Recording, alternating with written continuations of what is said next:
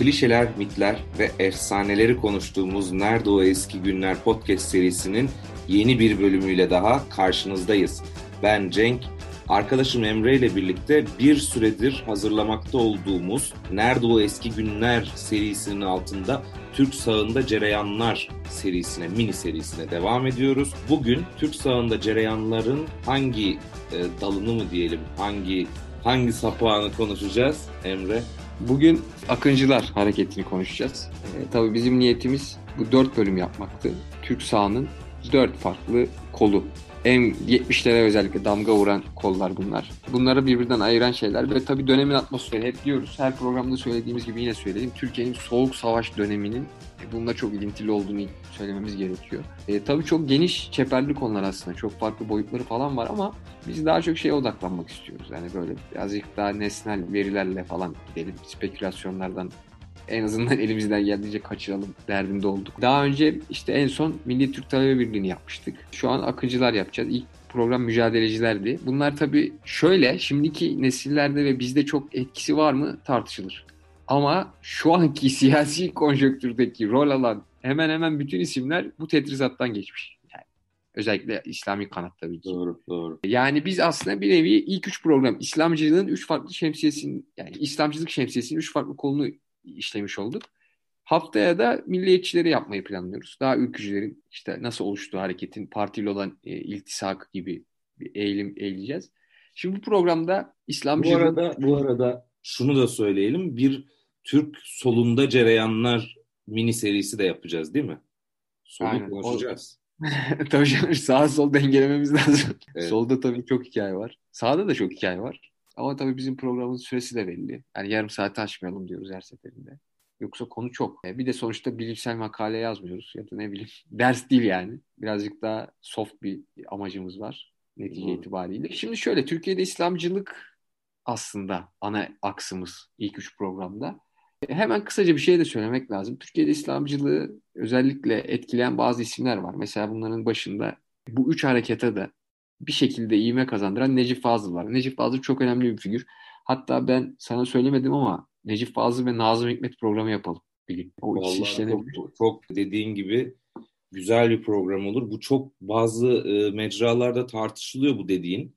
Hep iki kutup olarak hani e, gösteriliyor bu iki kişi. Bu arada akrabalar değil mi? Ben öyle bir şey biliyorum ama Allah bir aba- Ben- şey bağları var diye hatırlıyorum. Aile Ben bağları var. duymadım. Bir ilişkileri var. Tam onu hatırlamıyorum ama bakarız. Ama dediğin gibi bu tekrar tekrar konuşulması gereken bir şey. Belki daha derinlikli veya şunu da diyebiliriz bu iki isim üzerinden. Şiirden siyaset olur mu? Şiirden felsefe yapılır mı? İlber Ortaylı'nın şiirden felsefe olmaz, felsefe nesirle, düz yazıyla olur dediği bir durum var çünkü. Belki onu da konuşuruz o programda. E, Şiir sevmeyenler kulübü çok kalabalık. Ben, ben, Ben Platon- sevmiyorum ama ben çok seviyorum. Platon'dan Platon'dan başlıyor. Platon da hiç sevmez.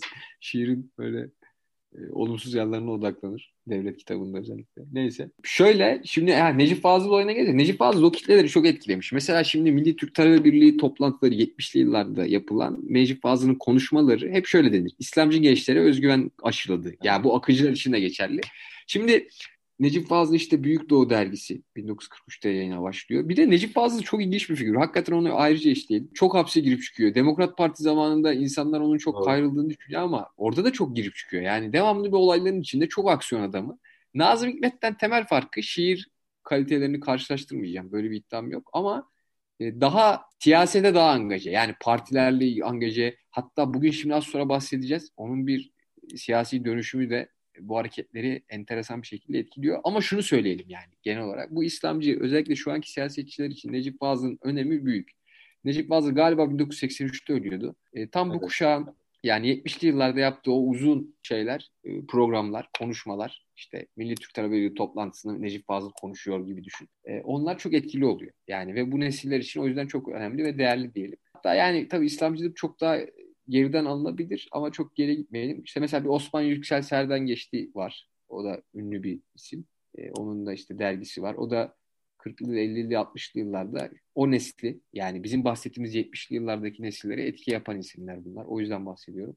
Şimdi şöyle 60'lı yıllara gelindiğinde özellikle biz şey demiştik. 1965'te Milli Türk Talebe Birliği Kemalist sol bir akımdan muhafazakar camiaya geçti. Nasıl geçti? İşte Rasim Cinisli diye bir Doğru. e, biri başkan oldu. Sonra 67'de İsmail Kahraman oldu. 69'da da bir diğer başkanlık seçiminde şu an ismini unuttum.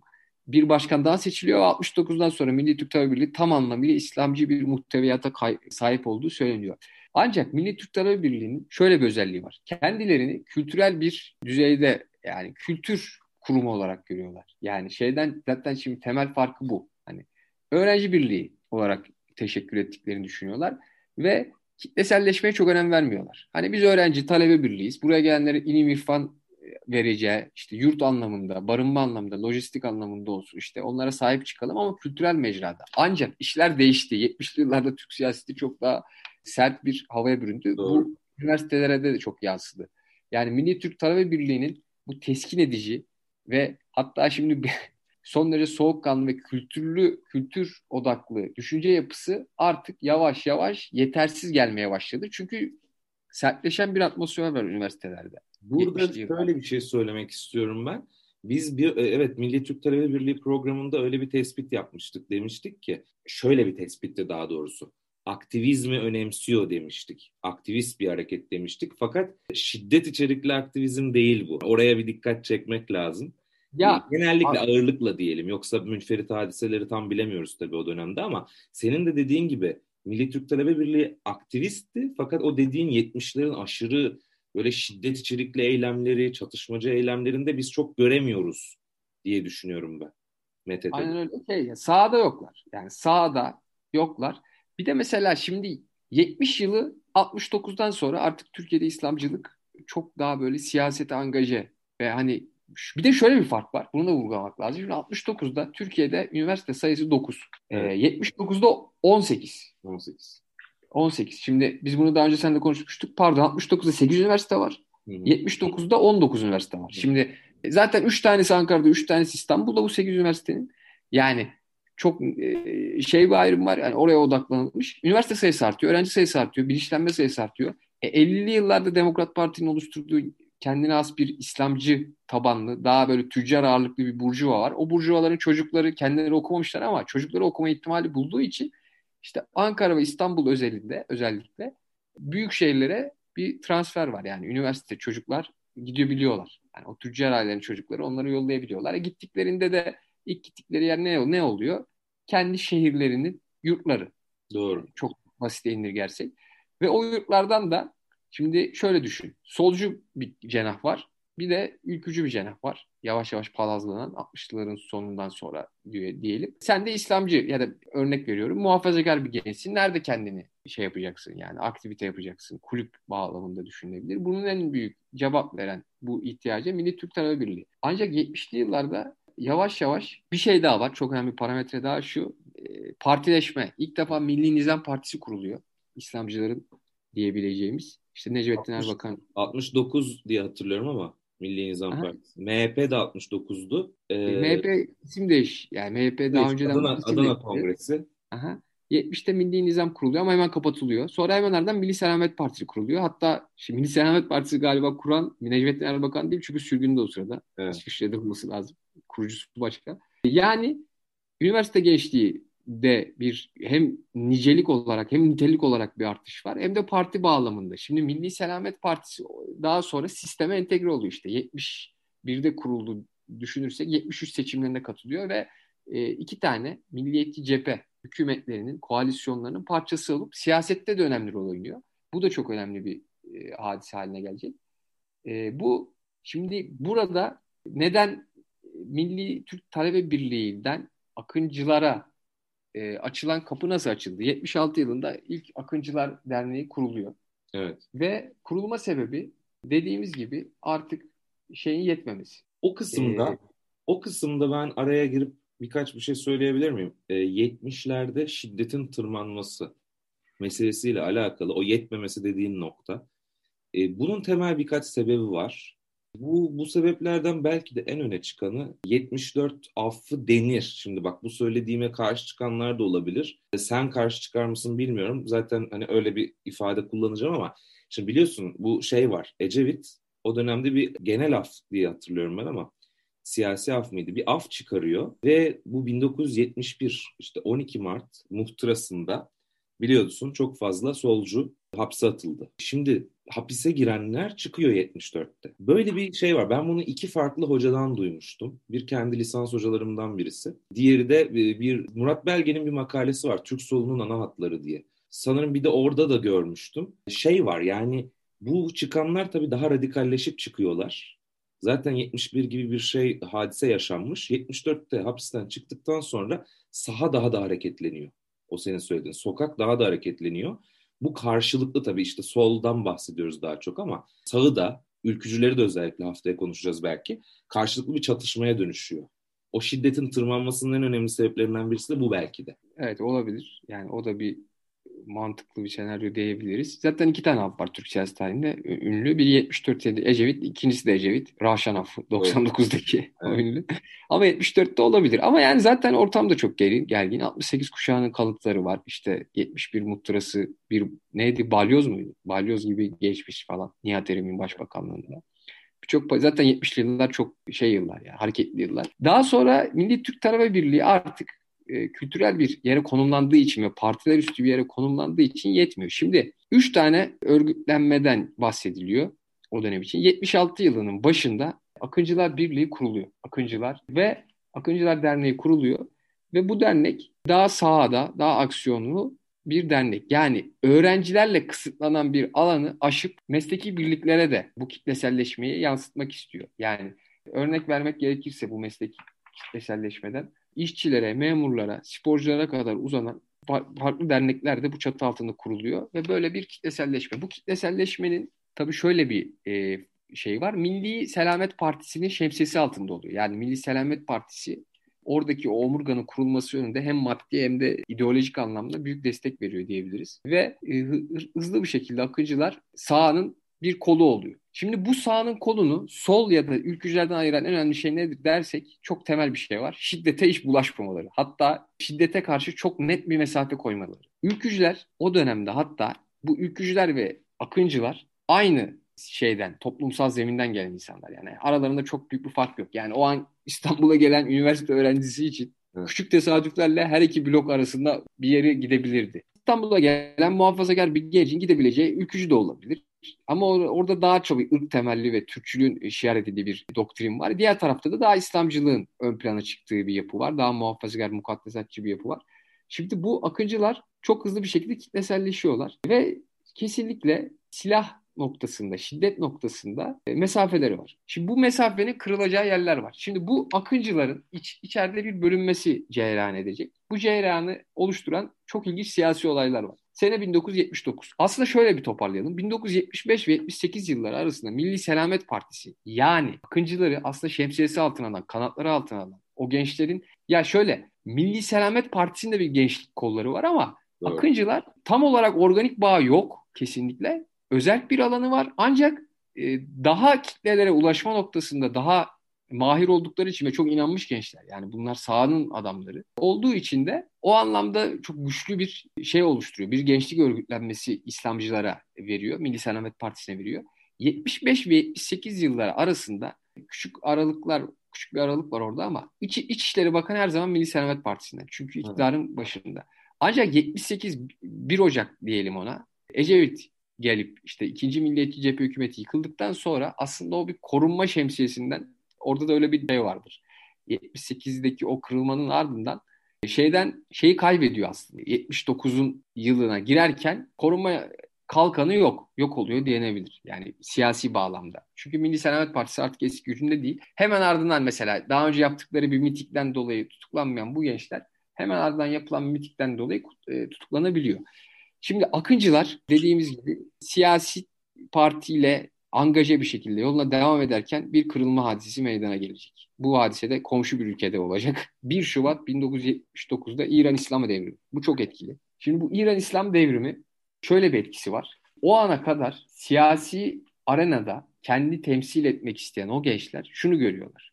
Herhangi bir parti bağı olmadan tamamen tabansal ve ulema ve halk işbirliğiyle bir devrim gerçekleştiriyorlar. Ve hani yıllardır hayalini kurduğumuz ve tedrici bir şekilde beklediğimiz yani devrime yavaş yavaş ulaşacağını yavaş oluşacak. Evet şey bir anda oldu değil mi? Ve İran İslam devrimi bir anda cereyan edince en azından zamanlama olarak bir beklenmeyen bir şok şeklinde onlar için bu büyük bir kırılma oluyor. Ve içeride bir kol kırılacak. Ve şöyle oluyor. Ya sistemin içinde kalarak istediklerimizi elde edemeyeceğiz. Zaten ortalık şiddet sarmalı. Biz niye böyle bir örgütlenme yani şiddetle mesafe artık yavaş yavaş aşınmaya başlayacak. Bir kırılma daha var. Bundan muhakkak bahsetmemiz lazım. Ee, Fatih Akıncılar Derneği Başkanlığı da yapmış o dönem olan Metin Yüksel. Çok simge bir isimdir. Sen de bilirsin. 23 Şubat 1979'da öldürülüyor. Öldürülme hadisesi şöyle vuku buluyor. Bir cuma namazı çıkışında Akıncılar ve ülkücüler arasında bir hadise meydana gelir ve denilen o ki ülkücü tarafından öldürülüyor Metin Yüksel. Şimdi aslında dediğimiz gibi ülkücüler ve akıncılar iki blok aynı tabandan gelen kitleler, gençler diyelim ama aralarında bir gerilim var. E, gerilimin oluşturan temel şey tabii partiler farklı, siyasi görüş farklı. Birinin dayandığı şey İslami şeyler, semboller. Diğeri daha böyle milliyetçi sembollere dayanmış durumda. Bu çok temel bir fark. Zaman zaman birbirlerine müsamahat gösterilecek alanlar olsa da yani şu anki gibi bir şey yok yani. Bir milliyetçi cephe şeyi yok. Doğru. E, aralarında gerilimler oluyor. Aslında ilk gerilim önce oluyor. 1977'de Edirne'de bir İslamcı genç öldürülüyor. Yine ülkücüler tarafından olduğu söyleniyor. Böyle gerilimler var. Yani silahlı bir şey olayı var. Ülkücülerin yani şiddeti diyelim ona. E, böyle bir hadise oluyor. Metin Yüksel'in ölümü özellikle artık tam olarak bir kırılma hadisesi oluyor. 23 Şubat 1979'dan sonra hani akıncılar ve ülkücüler arasında o sürdürülemeye çalışılan e, pakt diyelim ya da işte sulh diyelim artık tamamen kırılacak. 1 Şubat İran devrimi oldu ve e, Akıncılar Derneği içinden bir kol ayrılacak ve bu kol daha sonra da daha ünlü bir isme biliyorsun Mirza Beyoğlu. Doğru. doğru. dönüyor. Şimdi bunlar 1979'da bu hadise onlar için uyarıcı bir hadise haline geliyor. Bir dergi Haziran ayında 1979 Haziran ayında Akıncı Güç dergisi ortaya çıkıyor. Şimdi bu, bu bir nevi baş kaldırı. Yani Akıncılar içinde bir bölünme yol açıyor. Burada derginin ilk sayısında işte Mirza Beyoğlu daha sonra işte e, yıllarca hapis yattı biliyorsun. En son öldü iki sene önce. Hı. Şöyle bir yazı var. Ve derginin muhteviyatı da bu, bunun üzerine bina edilmiş. Legal illegal diyorlar. Her türlü silahlı mücadeleye katıla, katılınabilir. Yani Hı. silahlı mücadeleye yeşil ışık yakan ilk İslami oluşum. En azından en bilineni diyelim. Ve artık biz neden hani akıcılar o zaman 3-4 senelik bir geçmiş sahip ancak İslamcı geçmiş biraz daha eski. Biz neden pasifist bir tutum takınalım deniyor. Tam ee, derginin Ve, tarihini bir kez daha söyler misin? Söyleyeyim 79 Haziran. 79 Haziran tam aslında zirve noktalar değil mi? Evet zirve noktalar. Şimdi burada bir hadise daha var. Burada söylemek lazım. Ee, Afganistan'da iç savaş var. Şimdi Afganistan'daki evet, savaşta şöyle cereyan başlıyor. Ruslarla ilgili bir hadise o. Daha Amerika falan yok. Komünizm. Komünist bir rejim var. Ancak iç savaş sonunda 79 yılında bak hepsi aynı anda oluyor. Yani İran İslam devrimi oluyor. Ardından Afganistan, Rusya'da Mart ayında iç savaş başlıyor. E, rejim komünist ama halk İslami bir tandansa sahip. Ve Aralık ayında 79 Aralık ayında e, şey bitiyor bu arada. Yani e, İslamcılar yeniyor aslında komünist cepheyi ama daha sonra Rusya girer. O ünlü Rusya-Afganistan savaşı başlar. 88'e kadar devam edecek. Yani bu çok tarihi bir olaydır. Tam da 79'da o olayda e, cereyan ediyor. E, bunların üstüne yani Şubat'taki ve Mart'taki bu Türkiye'yi direkt etkileyen hadise yani Türkiye'deki İslamcı geçleri direkt etkileyen diyelim. Hadisenin üstüne Sakarya'da Akıncılar yürüyüşü yapılıyor ve 50 bin kişi katılıyor. 1 Nisan 1979. Yani bunlar hep üst üste geliyor. Yani e, farklı bir yol denenebilir. Sakarya'daki yürüyüş peki e, tabii civar illerden şey gelmiştir değil mi? Yani tabii. Destek sağlanmıştır 50 bin Sakarya'daki 50 bin kişinin katıldığı bir yürüyüş. Güçlü yani tabii gelmiş ve böyle bir yürüyüş cereyan ediyor. Bu hani kitleselleşme ve hani bir anda işte biz de aslında bunu yapabiliyoruz. Daha böyle sert bir kolun, daha radikal bir kolun ortaya çıkmasına e, şey yapıyor. Ve 79'da yine dediğimiz gibi işte hemen ardından Metin Yüksel'in ölümüyle e, daha önce yani alan mücadeleleri halinde cereyan eden ülkücü ve akıncılar diyebileceğimiz şey hattı, fay hattı tam anlamıyla kırılıyor ve bir daha geri dönüş olmuyor. O dönem için söyleyelim. Daha sonra yani şöyle bu derginin çıkmasıyla Akıcı Güç dergisinin bir nevi baş kaldırmasıyla beraber tabii dergiyi çıkaran ekip hemen tasfiye ediliyor. Akıncılar Derneği içinden.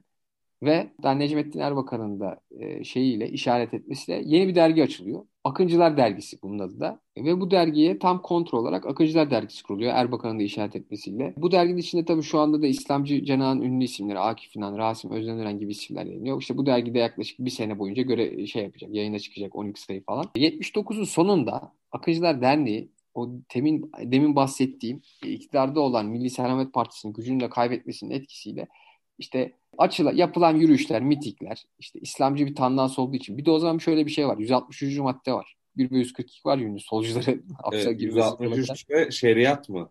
Öyle bir şey değil mi? Şeriatın propagandasını yapmak. şeyi ihtiva eder. Ve ardından 163 devreye girer. Zaten o belada. 141, 142 komünistler için, 163 de İslamcılar için. Sonra Özal bunların hepsini kaldıracak. Tam onu diyecektim. Bunları Özal kaldırıyor. Aynen öyle. Ve ardından işte çeşitli hadiselerin vuku bulmasıyla işte mitikler vesaire gibi hadiselerin ardından açılan kapatma davalarının ardından da Akıncılar Derneği 79 Aralık ayında kapatılacak. 79 Aralık'ta kapatılacak. 79'da çok ciddi kapatılmasından önce baskınlar yapıldığı söyleniyor. Şubeleri çok Doğru. fazla hatta 1200 şubeyle falan kapandığı söylenir. O dönemin hükümeti de çok fazla baskı yapıyor. Bir de benim de denk geldim. Sen de biraz bahsettin. Akıncıların farkı biraz şey ya e, memurlar var. Şimdi akıncı memurlar işte akıncı öğrencilerden zaten bahsettin. Esnaflar falan yani çok yayılmışlar toplumsal açıdan. Aynen. Aslında en önemli olay bu. Vurguladığın şey bence en önemlisi. Zaten Milli Türk Tarafı Birliği hani BİSAV var ya şimdi mesela onu düşün. Evet. Onun gibi bir yapı. Zaten muhtemelen kökleri var orada. bu arada onu tam bilmiyorum şu an. Yani onu ben de ya var var var olduğunu biliyorum da hani o yapı yani biz daha kültürel bir alanımız var diyor. Akıcılar işi yani göbeğinde yani kavganın göbeğindir benim yerim şiar, şiar edilmiş bir şekildeler. Ve çiftçi, lise öğrencisi, senin dediği gibi dernek, esnaf yani her yerdeler. 1200'e yakında derneği var bünyesinde. Bu doğru bir bilgi ve hani çok önemli etkin alanları var. Sağdalar yani. Şimdi bu sağdalar ama işte dediğimiz gibi İran İslam devriminin gerçekleşmesiyle ve işte mesela Metin Yüksel gibi isimlerin öldürülmesine cevap verilememesi, kısasa kısas yapılamaması, tam tersine şiddete olan mesafenin çok net bir şekilde işaret edilmesi, bazı gençlerin tabii yoldan çıkmasını ya da farklı bir yol tercih etmesine yol açıyor diyelim ve orada ilk ayrım oluyor. İşin şey tarafı da bu ayrılan ekip daha sonra işte İptacı'ya değil mi onların örgütlendiği evet. şey. E, daha sonra onlar da öyle bir yol seçiyorlar ve e, daha böyle yeraltı örgütü haline geldiler. Farklı bir yani silahı ve şeyi gerekli durumlarda meşru gören bir hareket haline gelecekler diyelim. 79'da Akıncılar Derneği kapandı ama diğer işte memur, işçi ve sporcuların ihtiva eden dernekleri faaliyetlerine devam etti. Bu da güç, aslında gücünde azalma olsa da e, resmi olarak yine de devam etti 80'li yıl tarihi 80 boyunca. E, zaten hemen ardından Erbakan gençlerin boş müsaade kalmadı, boşta kalmasını müsaade etmedi ve 7 Mart 1980'de e, Akıncı Gençler Derneği'ni açtı. Evet. Hemen hemen aynı paralelde bir dernek. Konya'da açıyor çünkü ülkede sıkı yönetim var 13 ilde. Bunların biri İstanbul ve Ankara. Sıkı yönetimin olduğu illerde tabii dernek açmanın çeşitli sakıncaları var. E, o yüzden 1980'de Mart'ta açar. Ancak daha sonra şöyle bir hadise olacak. E, biliyorsun 12 Eylül'e gidiyoruz artık yavaş yavaş adım adım. 12 Eylül'e giden süreçte çok önemli bir mitik var. 6 Eylül 1980. Kudüs. Şimdi bu hadise nedir? Şu Kudüs'ü neydi tam adı? Kudüs'te kurtarma mitingi. Evet. 100 bin kişi katılır Konya'da. Konya'da. Ve hani hatta şey derler 12 Eylül'e giden son nokta derler. Son yani hani, bardağı taşıran son damla tırnak içinde. Hani hep böyle olur ya darbelere gider aslında darbe olacak bir şey olsun diye beklenir belli, belli cenahlar tarafından. Bu tam anlamıyla o. Ve artık bundan sonra çünkü 100 bin kişi katılıyor çok kitlesel bir gösteri. Tabii orada hani açılan pankartlar olsun vesaireler olsun direkt şey de yapılabilir. Orada da şöyle bir şey deniyor. Çok küçük bir kitle İstiklal Marşı'nda mesela ayağa kalkmamış falan. Yani öyle hmm. şeyler var. Şey tuhaf. Ama o protesto şeymiş bu arada. Protesto da Erbakan yönetimine. Bunu da söylemek altını evet. çizeyim. Sistemsel bir şey değil. Böyle hani o da bir bir nevi hani rahatsız ediyor belli cenahları diyeyim.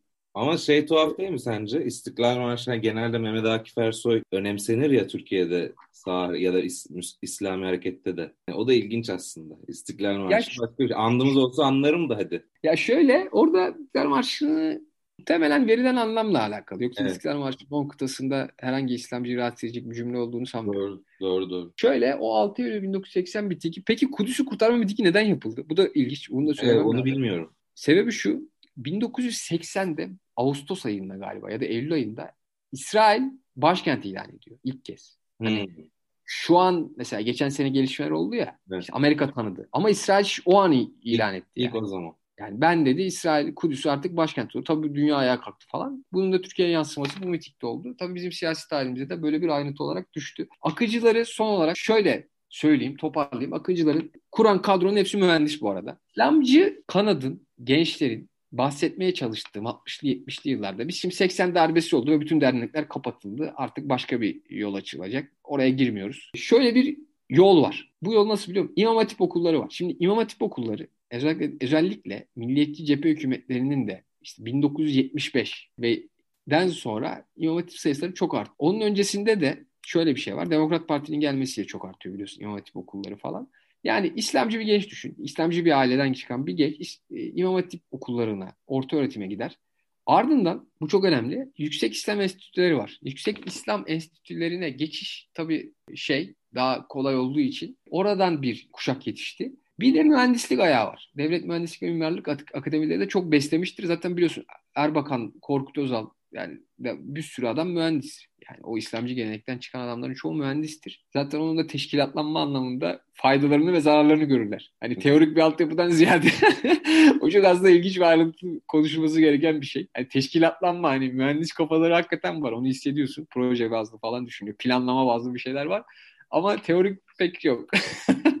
Oralar biraz boş kalıyor. İş şey ne diyelim endüstri kafası. E, endüstri o, o hissediliyor ve hani bu mühendis odaklı kurulan bir ekip daha böyle sahada olmayı ve aksiyonun içinde olmayı tercih eden bir ekip daha sonra tabii radikal bir kolu ayrılacak. Ve işte 79 yılı son kez söyleyeyim. Çok önemli bir yıl Türk İslamcılar açısından. Bir de bu, bunu son olarak kapatmadan söylemem iyi olabilir. Şimdi Türk İslamcıları ile ilgili Türk Türkiye'de bu çok kadim ve önemli bir tartışma ama değinelim. 60'lı yılların sonlarına doğru Hilal yayın evi var. Hilal dergisi Salih Özcan'ın. Şimdi şöyle aslında şöyle toparlayayım. Türkiye'de muhafazakar bir kitle var. İslamcı bir kitle. Yani İslamcı der ki İslamcılık daha böyle siyasi bir kavram. Yani muhafazakar bir kitle var. Ve iki şeyden çok etkileniyorlar. Birincisi Pakistan'daki o İslam devletinin benzeri bir yapının kurulmuş olmasından çok etkileniyorlar. Çünkü bunların da hayallerinde bir İslam devletine benzer bir şey kurmak var. İkincisi de Mısır'daki hareketlerden çok etkileniyorlar. Yani ha. Mısır'daki o Seyit Kutub'un e, Müslüman kardeşlerin. Şimdi bunların işte Müslüman kardeşler benzeri yapılar buraya burada şubesi yok mesela. Müslüman kardeşlerin hiçbir zaman burada bir şubesi olmuyor. Siyasi olarak olmuyor ama kültürel olarak özellikle Pakistan Mevdudi bak bu iki isim çok önemli. Bir de evet. Seyit Kutup. Şimdi bu isimler çok etkiliyor buradaki İslamcı nesli. Şimdi burada bir ikilem de çıkacak. 60'lı yılların sonunda kitapları Türkçe'ye basılıyor. Aslında biz bunu çok atlıyoruz. Ben bunu sol ve sağ cenah için ikisi için de e, tartışmak gerektiğini düşünüyorum. Şimdi bu insanlar ne okuyor? Yani şu anki bizim o, bulunduğumuz imkanlarla o zamanki imkanlar arasında uçurum var. Yani 18-20 yaş bandındaki gençler ne okuyor? Şimdi bunu solcuların da çevrildiği kitaplar var. İşte o zamanki yayın evleri falan var. Onlardan da bahsedeceğiz. Sağ cenahta da bunun bayraktarlığını yapan isim Hilal Dergisi ve Hilal Yayın Evi'nin kurucusu Salih Özcan Mevdudi ve Seyit Kutub'un kitaplarını 67'de çeviriyor. Ve Türkiye'deki artık gençlere geliyor. İlk başta olumlu karşılanıyor. Ancak daha sonra şöyle bir şey fark ediliyor. Bu arada Seyit Kutup 1966'da mesela idam edildiğinde Türkiye'de yankı buluyor. Ve olumlu anlamda işte bir şehittir o İslam yolunda. Ve şöyle bir tartışma vardır. Türk İslamcılığını olumsuz anlamda etkilediği söylenir. Yani bu Pakistan ve Mevdudi ve e, Seyit Kutup etkileriyle çevrilen kitapların aslında Türkiye'deki İslamcılık ya da Türkiye'deki İslam tasavvuf kökenli olan işte Nakşibendi ekolleriyle e, beslenen o yapının bo- bozduğunu, dejenere ettiğini ve buraya uymayacağı söylenir. Ve onun tartışmaları hala devam ediyor aslında bir nevi. Çünkü işte Türkiye'de aslında pek olmayan kavramlar, işte cihat, tav- tağut mesela, biat, işte Darül İslam, Darül Harp gibi kavramlar politik arenaya taşınıyor. Yani siyasi arenadan politik arenaya taşınıyor. Aslında e, biz bizim tarikat kültürümüz biraz daha biraz daha değil çok daha farklı. Ancak bunlar böyle daha böyle radikalleşmeye meyilli olabilecek Vahabi zihniyet derler bu gelen şeyler için. Ve bu 70'li yıllardaki İslamcıların da hani burada bir şey var işte politizasyon, İslam'ın politizasyonu meselesinde bu gelen çevirileri yurt dışından gelen bu İslamcı akımların olumsuz etkilediğini aslında Türkiye'deki hem İslam'ı kültürel anlamda, kültürel anlamda da siyasi anlamda da gündelik hayatta da diye bir tartışma vardır diyelim. Başka bir şey kaldı mı bilmiyorum akıncılarla ilgili. Son yok. Çok iyi e, toparladın aslında ya daha doğrusu önce bir serdin sonra toparladın. Bu son söylediğin yayın meselesi, kitaplar meselesi oldukça önemli. Ben de bu aralar çünkü Türkiye'de siyasal hareketlerle ilgili biraz çalışıyorum. Orada bir siyasal hareketin hani bir siyasal hareketi siyasal hareket yapan şeylerden e, birkaç şeyden bir tanesi de yayınlarıdır. Yani öyle düşünmek lazım belki de. Çünkü yayınlar üzerinden o e, aktarılıyor bir yerde de ya da bir varlık oluşturuyorlar. O çok önemli aynen. Çok atlanan şeyler bunlar. Biraz daha vurgulamak lazım. Valla çok teşekkür ederim Emre. Bu yayıncılık noktasında hakikaten bir program yapılabilir. Çünkü bu önemli. Yani 70'li yıllardaki insanlar ne okuyordu, nasıl okuyordu? Çünkü yabancı dil bilme olanakları çok kısıtlı. Biri ya bu çok ciddi bir şey. Yani Türkiye'de mesela şöyle söyleyeyim. Bazı ya şeyler denir mesela. Liberaller şey derler öyle söyleyeyim. Türkiye'de tercüme yani liberal külliyatın tercümesi çok geç olmuştur. Hani sen de çok okuyan birisi olarak farkındasındır. İşte üniversiteye gittiğimiz zaman kütüphaneye ya sosyalist metinler vardı e, sosyalist düşünürlerin metinleri vardı. Ya da işte senin söylediğin gibi İslamcılar başlamışlardı bir şeyler basmaya. Çeviri de çok önemli. Herkes yabancı dil bilmiyor, herkes okuyamıyor. Ya da kitap nereden geliyor? Yurt dışındaki kitap nereden gelecek? Şu anda da pahalı mesela da. Ya bir de o zamanki şartlar 60'lar 70'ler hani kambiyo rejimleri falan yok yani. Nasıl geliyor? Ne, neyle geliyor? Yurt dışı ile iltisak nasıl? Bunlar aslında bilmiyorum yani. Bunlara birazcık eğilmek lazım. O dönemki şeylerin. Biz bunun peşine düşeriz. Doğru. Yayın yaparız. Bir de şunu söyleyeyim. Bu gençler, akıncılar 12 Eylül girdabında onlara da bayağı işte işkencelerden tut uzun hapis hayatlarına kadar onlar da bu şeyden nasibini almışlar. Onu da vurgulamak lazım. Hakikaten böyle evet. işkence röportajları okudum. Çok kötü yani. Valla çok teşekkür ederim Emre. Ee, güzel bir program oldu. Haftaya umuyorum Türk sağında cereyanlar, ülkücüler programı yapacağız. Sonra da herhalde sağı bitireceğiz gibi geliyor. En azından şimdi yani bizim bakacağımız boyutlar bu kadar. Teşekkür ederim. Bizi dinlediğiniz için teşekkürler. Bir sonraki programda görüşmek üzere.